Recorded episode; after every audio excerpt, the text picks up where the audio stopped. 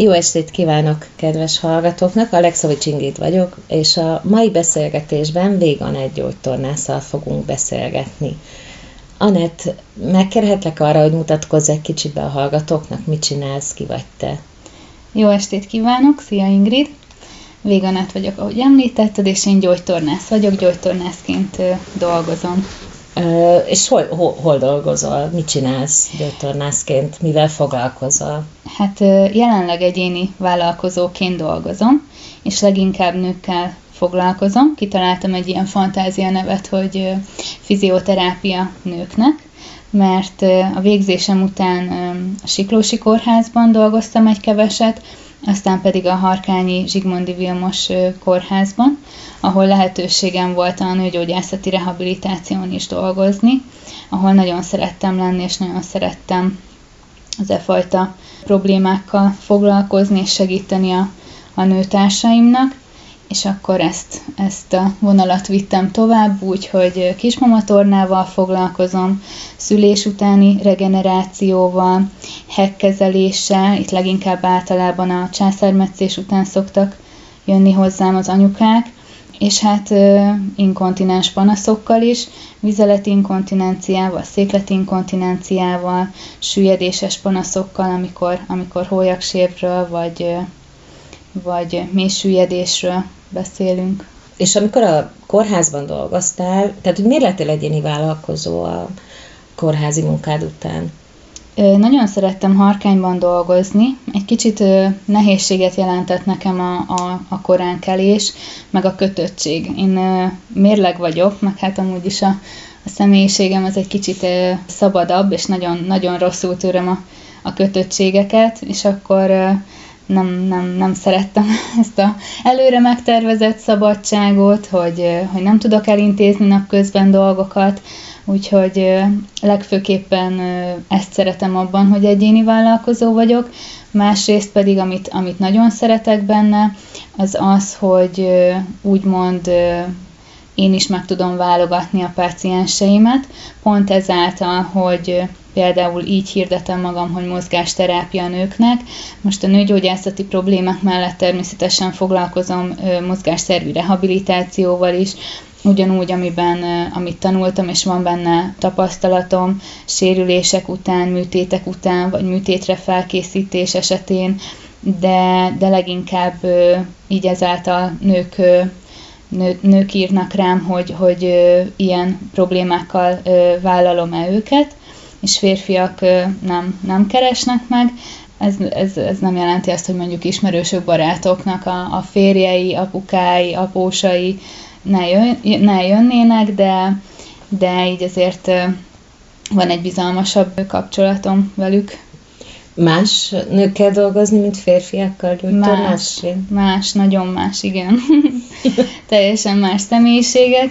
És hát még fiatal voltam, amikor a kórházban dolgoztam, még annál is fiatalabbnak néztem ki, és így nem volt meg felém az a tisztelet, amit, amit elvárna az ember egy ilyen munkaviszonyban, mert ugye ez egy, ez egy közös munka, tehát úgy, ahogy én megtisztelem a pácienst, neki is meg kell engem, hogy, hogy, hogy komolyan vegye, elfogadja azt, amit mondok, mert igenis azt, azt komolyan kell venni, és, és teljesíteni kell ahhoz, hogy, hogy ő javulást érjen el az állapotában. Nőkkel pedig teljesen más, így, hogy főleg velem egykorúak jönnek, így, így nagyon jó napjaim vannak, olyan, mintha a barátnőimmel lennék egész nap. Úgyhogy, és akkor a nők szorgalmasabban Végzik Igen. el a feladatokat? Pontosan. A nők azok, azok kitartóbbak, keményebbek, tehát ha fáj, akkor keresik a, a megoldást, elfogadják azt, hogy hogy ezért tenni kell, tornáznak, megcsinálják, elvégzik, a házi feladatokat is megcsinálják. Mm, lehet, hogy egyébként ez most azért is van, mert itt ugye, mint, mint vállalkozónak nekem van egy díjszabásom, tehát aki eljön, az tudja, hogy ezért fizetni fog, és lehet, hogy ezért is komolyabban veszik, mert sokkal kevesebbszer találkozom azzal, hogyha a következő alkalommal megkérdezem, hogy na és hogy telt az elmúlt heted, vagy az elmúlt két heted, mit csináltál, csináltad el házi feladatot, mik voltak a panaszaid, akkor bevallják itt is, hogyha nem, inkább úgy mondom, hogy itt bevallják, hogyha nem annyiszor csinálták, de sokkal kevesebbszer fordul az elő, hogy, hogy nem fogadták meg a tanácsaimat és azt mondtad, hogy nagyon sokszor dolgozol olyan problémákkal, amik a nőgyógyászati műtétekhez, vagy nőgyógyászati problémákhoz, ugye nők életciklusából adódó mindenféle problémából adódnak, így a mozgásszervi rehabilitáció mellett is. Szerinted mennyire gyakori az, hogy a nők egy ilyen probléma esetén gyógytornászhoz, vagy szak, egyáltalán szakemberhez fordulnak? Hát szerencsére egyre gyakoribb, ez szerintem az internetnek köszönhető, mert egyébként egy olyan témáról beszélünk, ami, ami nálunk a, a, a, a mi országunkban teljesen tabunak számít, tehát hogy vannak azért olyan kultúrák, ahol ezekről a problémákról a nők nyíltan beszélnek az anyjukkal, a testvérükkel, a barátnőikkel, és mi még mindig ott tartunk, hogy Például volt egy ilyen paciensem, aki ugye ilyen problémákkal jött hozzám, és mondta, hogy a munkahelyén hallotta, hogy erről beszélnek, és javasolta nekik, hogy hát képzeljétek nekem is ez a problémám, de találtam egy gyógytornást, és eljárok hozzá Pécsre, ő is egyébként messzebbről jött, és hogy, hogy erre igenis van megoldás, mert én már érzem a javulást, érzem a hatását, és hogy, hogy keressétek meg őt, biztos ad nektek tornaleírást, hogy el tudtok hozzá menni, és kinevették. Tehát, hogy azok nevették ki, akik ugyanezzel a problémával küzdködnek, és egyszerűbb volt kinevetni, mint azt mondani, hogy jó, akkor, akkor én is teszek érte, vagy, vagy köszönöm szépen a tanácsot. Szóval, hogy ez még, ez még, olyan, ez még olyan ciki, pedig nem kéne annak lenni, nem tudom, nekem, nekem ez, ez hát biztos, hogy a munkámból kifolyólag, de te, teljesen természetes, és látom azt is, hogy egyébként nagyon nehezen mondják el nekem is, pedig hát nyilván mm, elmondom, hogy köt az orvosi titoktartás, meg hogy, hogy nagyon sok ilyet láttam már, meg biztos, hogy nem tudnak olyat mondani, amit még ne láttam volna, vagy ne hallottam volna, de hogy nehezen beszélünk róla, mert, mert egyébként a hétköznapjainkban falakba, falakba ütközünk, és hát szerintem így titokban mindenki az interneten kezd el keresgélni, ott nem kell senkinek megnyílni, és akkor ott azért most már nagyon sokat olvasni róla, hogy, hogy vannak ilyen problémák, hogy ez természetes a hormonváltozások miatt, a szülések miatt, ugye őket gyakrabban érinti, és hogy, hogy erre van, van megoldás. Úgyhogy ö, szerencsére így most már így egyre többen foglalkoznak ezzel, vagy egyre többen jönnek el. Ugye az a, az a nagy baj, hogyha valaki ezzel nem törődik, akkor ez nagyon megfigyelhető, hogy a, a szociális életében ez óriási változásokat hoz. Tehát, hogy nagyon szomorú azt hallani, de ez tényleg így van, hogyha valakinek például süllyedéses panaszai vannak, az, az egy kellemetlen dolog, az fájdalommal jár, már ahogy reggel fákál, ugye a szerv súlya, a gravitáció lehúzza, és egy, egy teljesen egy, egy, egy alhasi ö, ö, kényelmetlen érzése lesz. A medencefenéknél is, a gátterületén is ez nagyon kényelmetlen tud lenni, ha pedig valaki vizelet vagy székletinkontinens, hát akkor az, az, az olyan, ami, ami meggátolja még abban is, hogy boltba menjen, nem hogy közösségbe járjon, tornázni járjon, jogára járjon. Úgyhogy volt, volt egyébként olyan is, aki, aki, akinél szerencsére egy idősebb hölgy volt, és szenior jogára járt, és kimaradt már fél éve. És nagyon szerencsés helyzet volt az, hogy, hogy olyan jogaoktatója volt, akinek ő hiányzott, és felhívta, hogy, hogy hát mi újság, mi történt veled, hogy nem jössz már fél éve, és akkor neki, neki egyébként elmerte mondani a panaszát, és akkor ő már tudta, hogy hát akkor irányharkány, ott van erre megoldás. És tényleg volt is, és utána teljes életet élhetett úgy, hogy megint el tudott járni közösségbe, és tudott tornázni, jogázni.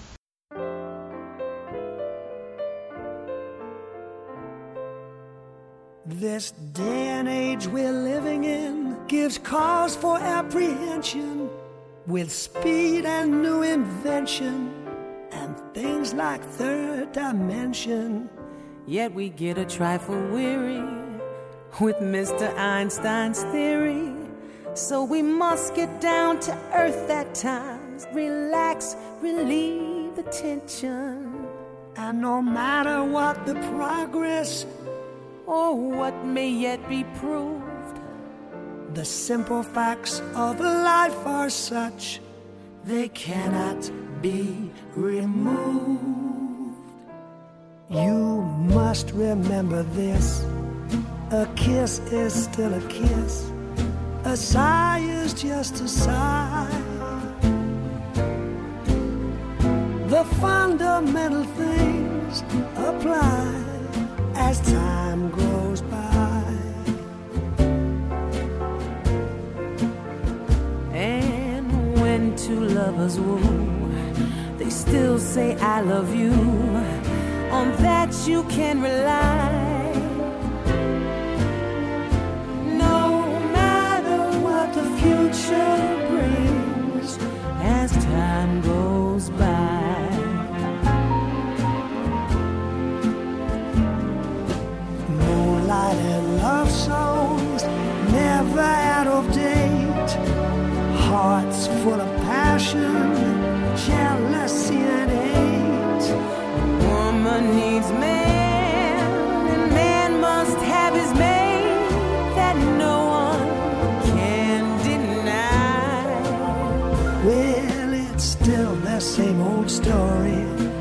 Fight for love and glory. A case of do or die.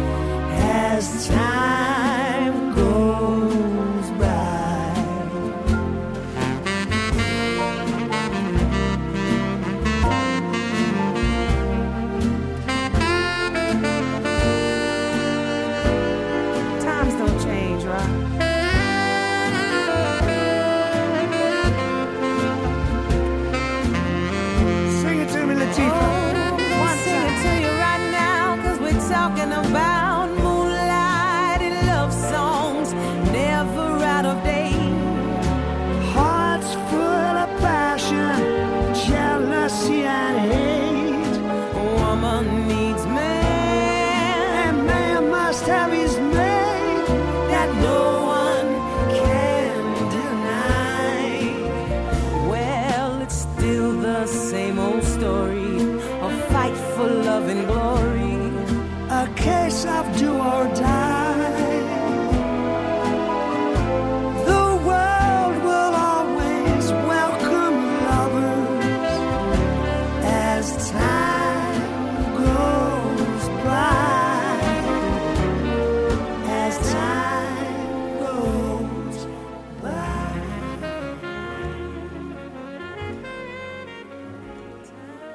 Azt akartam még kérdezni, hogy ö, végülis te hogyan lettél gyógytornász? Vagy miért, miért választottad ezt a területet? Hát ez azért nem volt olyan egyszerű.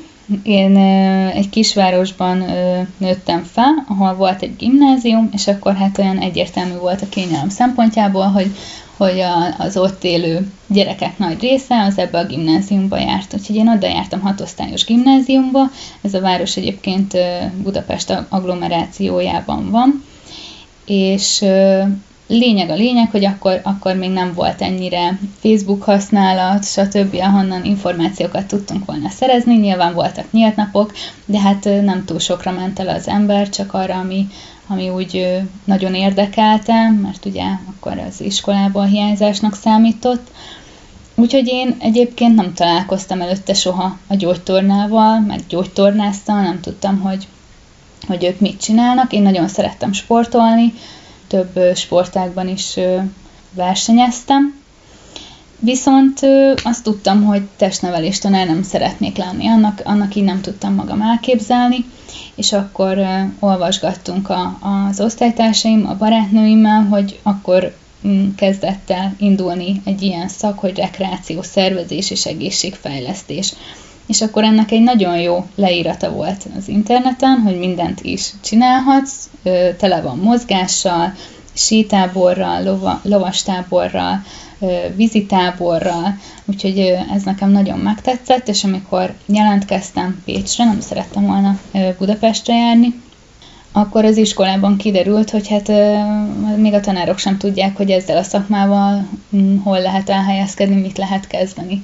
Tehát, hogy nagyon jó volt az, hogy az egészségtudományi karon egészséggel kapcsolatos tantárgyaink voltak, mert én azokat nagyon élveztem, nagyon szerettem, anatómiát, élettant, a pedagógiát, a pszichológiát, tényleg mindegyik nagyon érdekes volt, de hát azért ijesztő volt, hogy igazából nem kapok készhez egy szakmát, és hogy ezzel a végzettséggel nem lehetek edző, nem lehetek egészségtantanár, hogy Magyarországon azért ez a rekreáció dolog, meg a prevenció az, az nem annyira elterjedt, úgyhogy igazából magyarországi hotelek nem fognak alkalmazni egy, egy olyan embert, aki megszervezi a vendégeinek a programokat, és hát ö, akkor itt ö, ugye együtt tanultunk dietetikusokkal, gyógytornászokkal, az ápolókkal és a mentőkkel, és akkor kezdte el befürkészni magát a gyógytorna.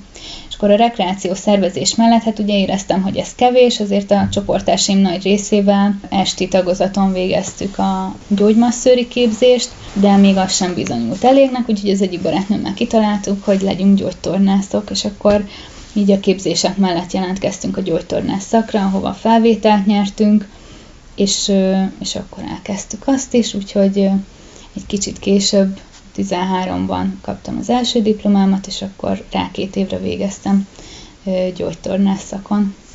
De akkor ezt nem bántad meg, nem, ezt a pályamódosítást? Ez nagyon, nagyon jó volt, igen.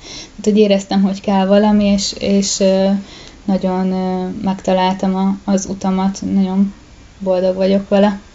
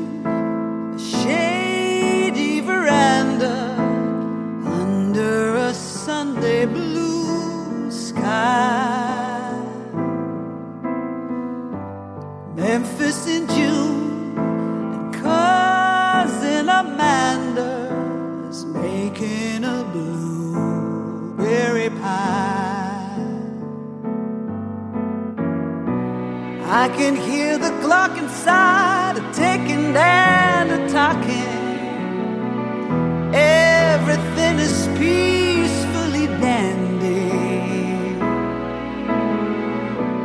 I can see old Granny cross the street still.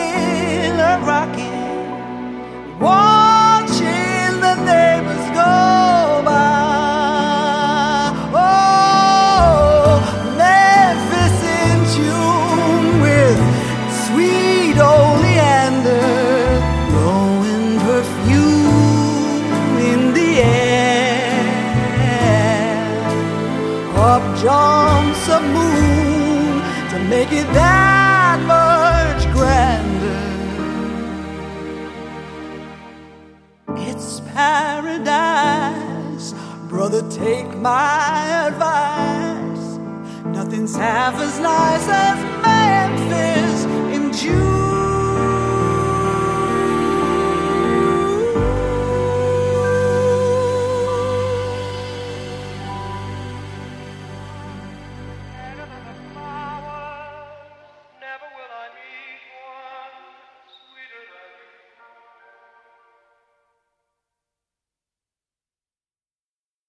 Most azt mondtad, hogy a, a prevenciónak Magyarországon azért nem olyan nagy hagyománya van, ugye, és főleg itt a, a bevezetőben is arról beszélte, hogy ha már van valami probléma, akkor fordul az emberek többsége egy gyógytornászhoz, vagy valamiféle szakemberhez.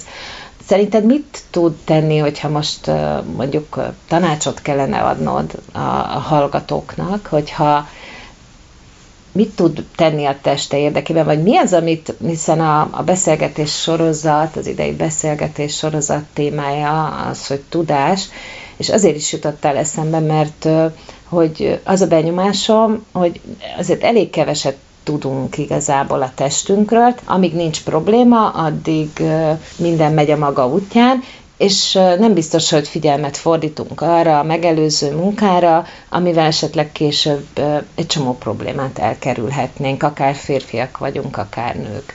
Szóval, hogy mit érdemes tudni a testünkről, és hogyan érdemes a testünkkel úgy bánni, hogy az aztán a későbbi életünkben is jó szolgálatot tegyen nekünk. Hát ez nagyon érdekes kérdés, és lehet, hogy erre hosszú lesz a válasz, meg nagyon furcsa. Én gyógytorna, tehát hogy tényleg én amióta az eszemet tudom, sportolok. ami azért egy olyan dolog, ami már gyerekkoromban megtanított arra, hogy hogyan irányítom a testem, a mozdulatokat, hogyan kell. Ugye mindennek van egy technikája, az atlétikában, az atlétikai számoknak van egy technikája, a szertornában a különböző szereken megvan a technika, és én ezt mindig nagyon élveztem, hogy, hogy úgymond ez egy, ez egy olyan folyamat, ahol fejben te kigondolod, aztán szépen az idegrendszer eljutatja az izmaidhoz, és kivitelezi. Tehát, hogy én ezeket így nagyon élveztem, hogy, ez nem, nem csak úgy megcsinálja az ember, meg gyorsan fut, meg elrugaszkodik és ugrik egyet, hanem ennek van egy technikája. És már én akkor nagyon becsültem a testemet, hogy, hogy ilyenekre képes, és hogy tudom edzeni, ami azt jelenti, hogy egyre jobb eredményt tudok elérni. Tehát, hogy ennek van egy eszköze, és gyógytornászként meg főleg itt tekintek a saját testemre is, meg az emberi testre úgy általánosságban, hogy tényleg ez egy szentély, amit mi használunk nagyon-nagyon sok évig remélhetőleg, de legfőképpen azt reméljük, hogy minél tovább használjuk egészségesen. Tehát, hogy erre vigyázni kell. És persze te, teljesen természetesnek veszik, hogy nem fáj, meg elsétálok, meg elmegyek, meg felkelek, de, de igazából nem vagyunk ezért hálásak, hogy a testünk jól működik, és hogy a testünk egészséges. Úgyhogy elsősorban hálásnak kell lennünk azért, amink van. Tehát mindig lehetne rosszabb, nyilván akinek fáj a dereka, annál is lehetne rosszabb, akinek lebénult a két lába, annak is lehetne rosszabb, tehát mindig lehetne rosszabb is, jobb is, mindig a legjobbat kell kihozni magunkból, és igazából tenni kell azért, hogy ezt az egészséget megőrizzük, és hogy, hogy ne legyen még rosszabb. Tehát, hogy ne vegyük természetesnek azt, hogy a mi testünk működik, mert, mert nem természetes, szerencsénk van egy ideig, de egyébként ezért tenni kell. És mivel tudunk érte tenni? Nyilván a táplálkozással és a mozgással. És most a mozgás része az, amihez én értek, és ugye az a jó, hogy mindenki teljesen más. Tehát, hogy gyógytornászként én nem írhatom elő mindenkinek azt, hogy már pedig neked most futnod kellene heti háromszor, mert valaki nem szeret futni. És ugye nagyon sokan vannak olyanok, akik nem szeretnek mozogni, nem ez a hobbiuk, ez teljesen természetes. Tehát valaki olvasni szeret, valaki hangszeren szeret játszani, valaki a filmeket imádja, nem mindenki olyan, mint én, hogy, hogy a mozgás kapcsolja ki. Ezt el kell fogadni, és az a jó, hogy együtt tudjuk kitalálni, hogy mégis hogyan tud mozgást vinni az életébe, és ezt nagyon szeretem egyébként az egyéni gyógytornákban, hogy, hogy közösen találjuk ki, megnézzük, hogy működik-e, tudunk rajta változtatni, és, és igazából nekem általában ez a, ez a célom, hogy mindenkivel megkedváltassam azt a fajta mozgást, ami, ami neki jól esik, és hogy azt egy életen át be tudja építeni az ő mindennapjaiba, mindennapi rutinjába. Szóval röviden, röviden ez, hogy mozogni kell, és akkor itt most nem kell nagy dolgokra gondolni, tehát nem kell arra gondolni, hogy akkor most tényleg heti háromszor kell edzőterembe menni, kezdjük egy kicsivel. Tehát, hogy nem gondolnák azt, hogy, hogy a napi 10-15 perc séta az mennyit jelent. Én például ragaszkodom a napi 10.000 lépésemhez, tehát hogy ebből így nem szeretek engedni, mert tapasztaltam már azt, hogyha nem teszem meg a napi 10.000 lépést, akkor tehát, hogy ezt nem gondoltam volna soknak, hogy én elsétálok a munkahelyemre, hazasétálok ebédelni, visszasétálok, megint hazasétálok, hogy, hogy ez mennyit jelent. Ezt akkor érzi meg az ember, amikor kimarad. Úgyhogy lehet kezdeni ilyen kicsikkel, hogy, hogy a sétálás, hogy, hogy otthon tornázok egyet, hogy csak két hetente megyek el egy jóga órára, hogy, hogy elmegyek biciklizni, hogy hétvégén akkor nézhetünk filmet, de az egyik nap elmegyünk sétálni az erdőbe. Szóval lehet ilyen, ilyen kicsikkel kezdeni, és ugye manapság az ülő életmód az, amit hangoztatnak, és ez így is van, hogy nagyon káros, de mindenki egyből, hogy hárítsa a saját felelősségét a munkahelyére gondol, hogy persze, mert én asztalnál ülő munkát végzek, irodában dolgozom, és amiatt van ez az egész. Ez nem így van, mert hogyha belegondolunk, akkor az a napunkból egyébként csak 6-8 óra, de hogyha átgondoljuk az egész napunkat onnantól kezdve, hogy felkelünk, hogy mennyi időt töltünk üléssel, hát ez rengeteg a munkán kívül is. Tehát a munkában is egyébként ugye meg van szabva, hogy óránként 10 percre fel kellene állni, sétálni kellene, ezt azért szerintem persze vannak olyan helyzetek, amikor az ember nagyon belemerül, vagy, vagy végeznie kell egy határidőre, és akkor nem tud felállni, de azért a legtöbb esetben óránként fel tudnánk állni, és hogyha nem is kell a WC-re mennünk óránként, akkor le, lesétálok egy emeletet, és visszasétálok, vagy oda sétálok a munkatársamhoz, és nem e-mailben küldöm el neki azt, amit meg szeretnék vele beszélni, hanem kicsit felállunk, mozgunk, és, és így építjük be a, a, a mozgást az életünkbe. És tényleg, hogyha őszintén mindenki átgondolja a napját, akkor felkelünk, leülünk, megisszuk a kávét, leülünk, megreggelizünk, fölállunk, felöltözünk, aztán beülünk a kocsiba, vagy felülünk a buszra. Aztán az irodában akkor megint ülünk, amikor megebédelünk napközben, megint ülünk, aztán hazamegyünk, megint busszal vagy autóval, ahol szintén ülünk, és utána leülünk sonnázni, leülünk tévézni, leülünk a telefonunkat nyomkodni, este megint csak ülünk, amikor filmet nézünk, tehát, hogy így rengeteget ülünk, egy felmérés szerint, ami már egyébként több mint tíz éves, szóval szerintem sajnos ez a szám azóta is nőtt. Az amerikai embereknek az átlaga az napi 13 órát tölt üléssel. Most, hogyha ebből csak még 8 órát alszik, akkor mennyi marad az, amit állva vagy mozogva tölt? Nagyon kevés.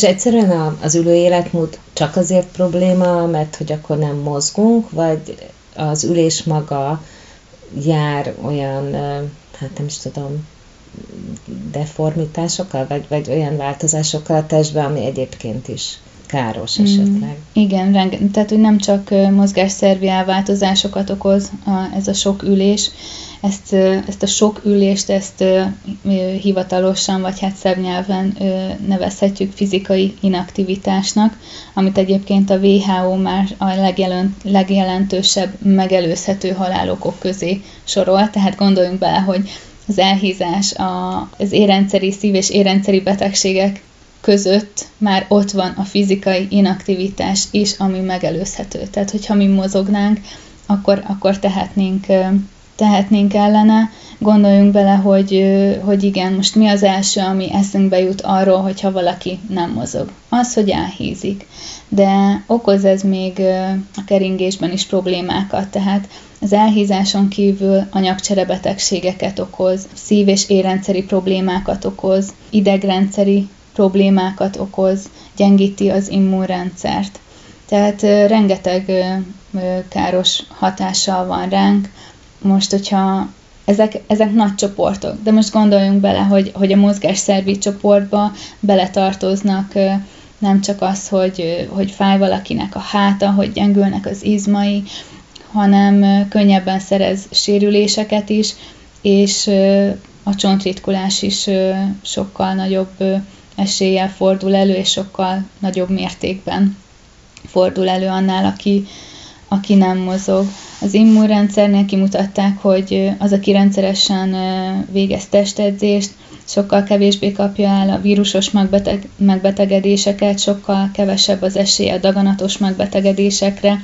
Itt, ami mozgással egyértelműen összeköthető, az a, az emlőtumorok és a vastagbéldaganatokra vonatkozik. A mozgásszegény életmód egyébként ebben az esetben, és még a mérák esetében ö, 10%-ban felelős ezeknek a betegségeknek a kialakulásáért. Ugye az anyagcserebetegségeknél beszélünk a cukorbetegségről és a metabolikus szindrómáról is, amikor többféle anyagbete- anyagcserebetegség együttesét vesszük egy csoportba, vagy több anyagcserebetegség okozza ezt a szindrómát. A szív- és érrendszeri betegségeknél magas vérnyomásról, a koszorú érszűkületről, tehát, hogy, hogy, hogyha ezeket a csoportokat lebontjuk, akkor, akkor rengeteg betegséget fel lehet sorolni. Egyszerűen a fizikai inaktivitás. Igen. akkor ezek szerint csak mindenhez hozzájárul. Felnőttként is nagyon sok problémát okoz az inaktivitás, de ugye manapság azt látjuk, hogy a, a gyerekek életmódjában, a gyerekek életmódja is nagy mértékben megváltozott ettől az egész, ugye most ezt részben a, akár a vírushelyzet miatti online oktatás, akár egyáltalán a szabadidős tevékenységek megváltozása olyan értelemben, hogy, hogy a gyerekek is sokkal több időt töltenek képernyő előtt, ott kapcsolódnak ki, nem feltétlenül mennek le a grundra focizni, hogy nincs is grund. Valóban az ő életmódjuk is nagyban megváltozott. Ez is okoz problémát? Igen. Szerinted? Ez rengeteg problémát okoz, ugye. Az, hogy szerintem egy gyerek már, vagyis hát, hogy egy ember gyerekkorában megszereti a sportolást, az edzést, az kihat az egész életére. És ez sajnos egy, egy ördögi kör. Tehát, hogy fáradtnak érezzük magunkat, nem mozgunk, attól még fáradtabbnak érezzük magunkat, még inkább nincs kedvünk tornázni, mozogni, és, és ez így kialakul. Holott az emberi szervezet több mint 600 izomból épül fel, és annó nem arra lett kitalálva, hogy üljön. Tehát, hogy nem volt szék, ezt mi találtuk ki, mi találtuk fel magunknak. Mozgásra lett tervezve, hogy az adott környezetben tudjon mozogni, és hát nem arra használjuk, amire ez felépült, nem, nem tudott még a, a, az emberi test olyan gyorsan alkalmazkodni ehhez az ülő életmódhoz. Egyébként a WHO meghatározza ugye, hogy 18 éves korig, 18 és 65 éves kor között és 65 éves kor felett mennyi mozgásra van szüksége az emberi szervezetnek ahhoz, hogy egészséges legyen. és a, például a Magyar Diák Sport Szövetség a gyerekeknek, tehát 18 éves mm, kor alatt napi 60 perc intenzív mozgást ír elő. Hát ami a mi gyerekkorunkban, vagy legalábbis nálam ez alap volt, de, de ma már tényleg tényleg nem gondolnám azt, hogy, hogy minden gyerek 60 percet focizik, szaladgál, fogócskázik a játszótéren, kúszik, mászik, tehát hogy ez, ez nagyon nagy gondokat okoz. Ugye már az, ahogy ez asztalnál ülünk, az biztos, hogy nem helyes testtartással ülünk, mert az azért egy nagyon nagy izommunka, hanem kényelmesen oda görnyedünk, és hát azt kell tudni, hogy, hogy ahogy ülünk, úgy az alsó végtagoknak, a testünk alsó felének az anyagcseréje, vagy az izommunkája szinte teljesen kikapcsol. Tehát, hogy nem csak az izmaink nem dolgoznak, hanem egyszerűen az anyagcsere folyamatok is teljesen lelassulnak, a vérkeringés, tehát nem úgy kap már friss oxigént ez a terület. Tehát ilyen egészen mélyre menő apró dolgokba is bele lehet gondolni. És akkor te mit tanácsolnál, mert ugye azért van a gyerekek egy része, aki sportol, hogy ez mekkora rész, azt én nem tudom. A többieknek maradnak az iskolai testnevelés órák, ami egyrészt nem 60 perc, másrészt nem tudom mennyire intenzív mozgás, most ebben én nem vagyok szakember, de sok a felmentett is, illetve hát nem, nem biztos, hogy, a, hogy valóban intenzív mozgással tölti azt az időt, a, még akár a testnevelés órán is a, a gyerek. Mit tanácsolnál a szülőknek, hogy hogyan lehetne egy kicsit segíteni abban, hogy a gyerekek megszeressék a mozgást? Mert ugye nem biztos, hogy az a jó megoldás, hogy belököm egy edzésre, amit esetleg uh, nem kedvel, tehát hogy nem, nem biztos. Magyarországon amúgy is egy kicsit azt látom, hogy a, hogy a gyerekek esetében is, hogy állandóan ez a verseny, sportra való, versenyekre való uh, kondicionálás, vagy tréningezés folyik, nem biztos, hogy ebbe is igazam van, csak mondom, hogy nekem ez a benyomásom, hogy szülőként még mit lehet tenni annak érdekében, hogy vagy rábírjuk a gyereket arra, hogy mozogjon, mert lehet, hogy ez a menj film és fociz, az nem feltétlenül hasznos, vagy, vagy nem olyan hatékonysággal bír, mint hogyha valami mást találok ki. Hát az az igazság szerintem, hogy, hogy szülőként csak példát tudunk mutatni. Tehát lehet bortin és vizet prédikálni, ha jól mondom, de, de azt a gyerek nem fogja komolyan venni. De hogyha ő azt látja, hogy, hogy anya és apa szívesen megy kirándulni, akkor nyilván ő is szívesen fog kirándulni, és felnőtt korában emlékszik rá, hogy ezek milyen jó élmények voltak, és ő is el fogja vinni a, a gyerekét. Szóval nekem gyerekkoromban is volt előttem egy ilyen példa, hogy, hogy anyukámnak a kedd és a csütörtöki tornája az szent volt, meg biciklivel járt dolgozni, és hétvégente mindig, mindig szerveztünk valami, valami kimozdulós mozgással kapcsolatos programot, úgyhogy szerintem szülőként ez az egyetlen módja, hogy példát mutatunk a gyereknek, hogy mi is szeretünk mozogni, és ő is meg fogja szeretni. Ezekkel a hobbi sportokkal itt a nagyvárosban tényleg nehéz. Én is azt látom, hogy valaki szeretne úszni járni, de, de nem annyira ügyes, akkor azt mondják, hogy ne járj úszni, mert te nem leszel versenyúszó.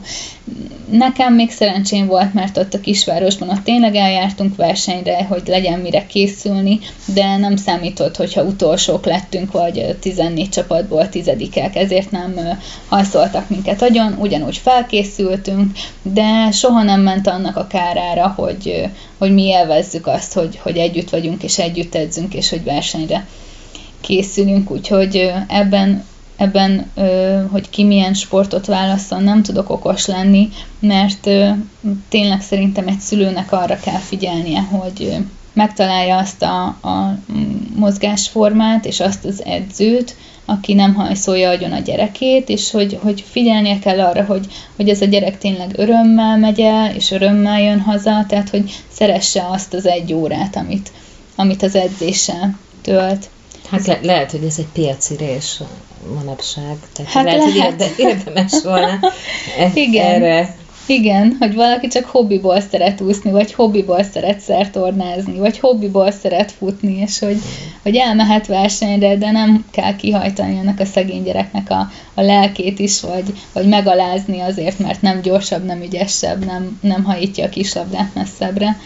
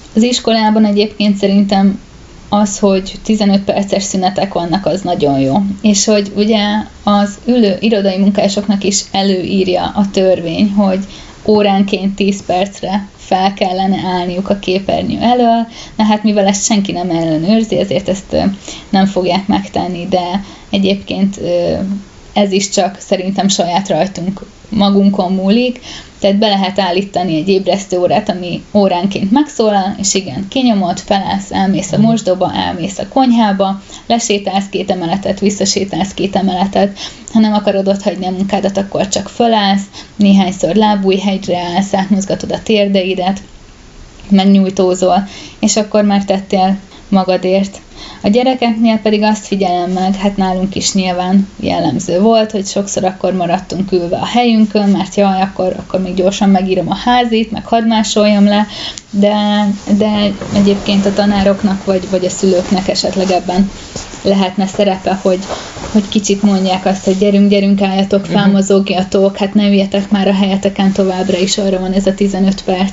Ne, amit megjegyeznék, hogy csak tíz. Tehát... Ja, jó. Igen. Megint szerettem azt is, hogy általános iskolában például a, a tanítónénik gyakran még abban 45 percbe is beiktatták ezt a nízentózós kis átmozgató ö, tornát, ami, ami, ami igenis jól esett. Szerinted egy szülő lehet egy picit erőszakos? Most arra gondolok, hogy azt mondtad, hogy persze, hogy mutasson példát a szülő, meg, meg körjárjanak kirándulni.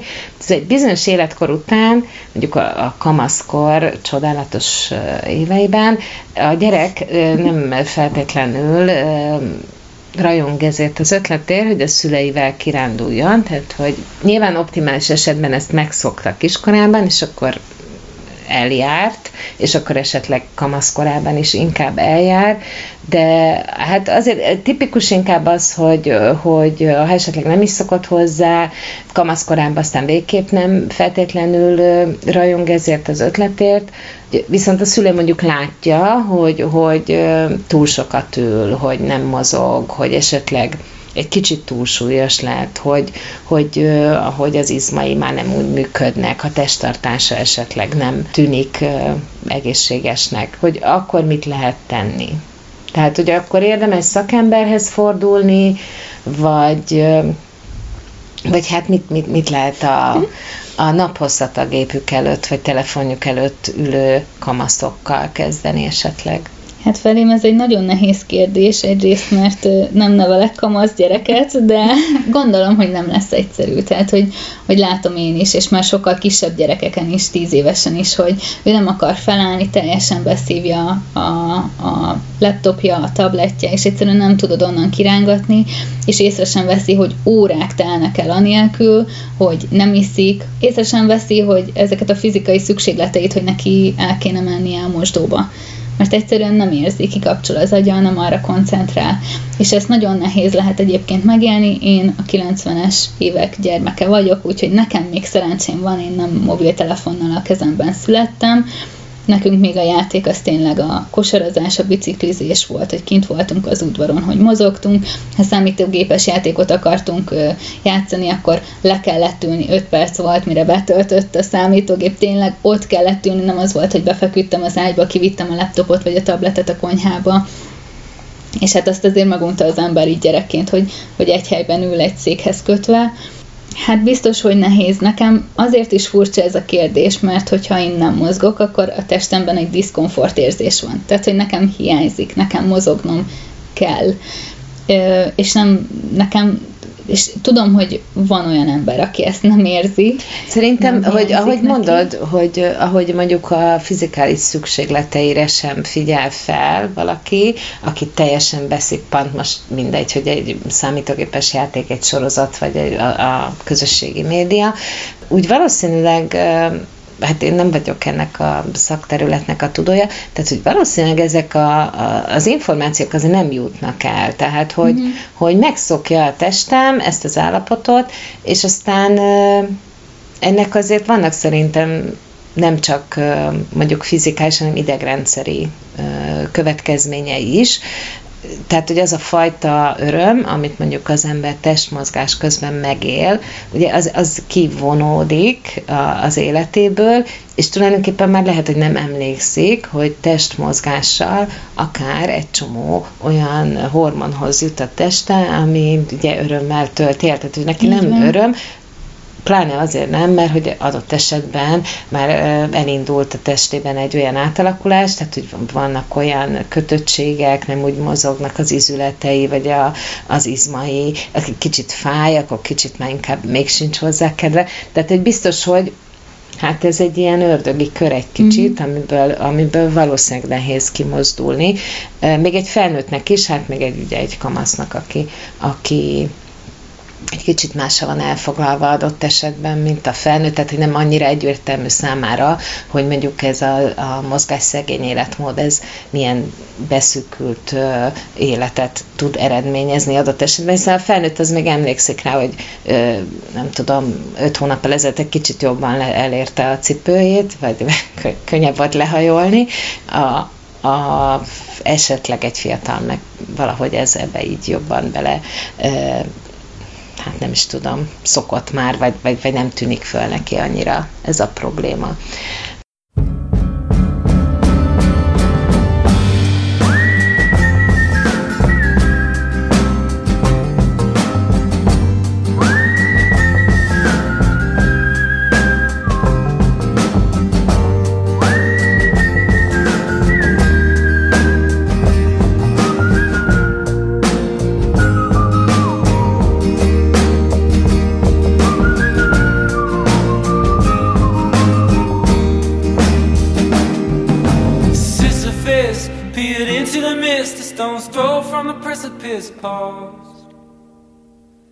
Did he jump or did he fall as he gazed into the morning mist? Did he raise both fists and say to hell with this and yes?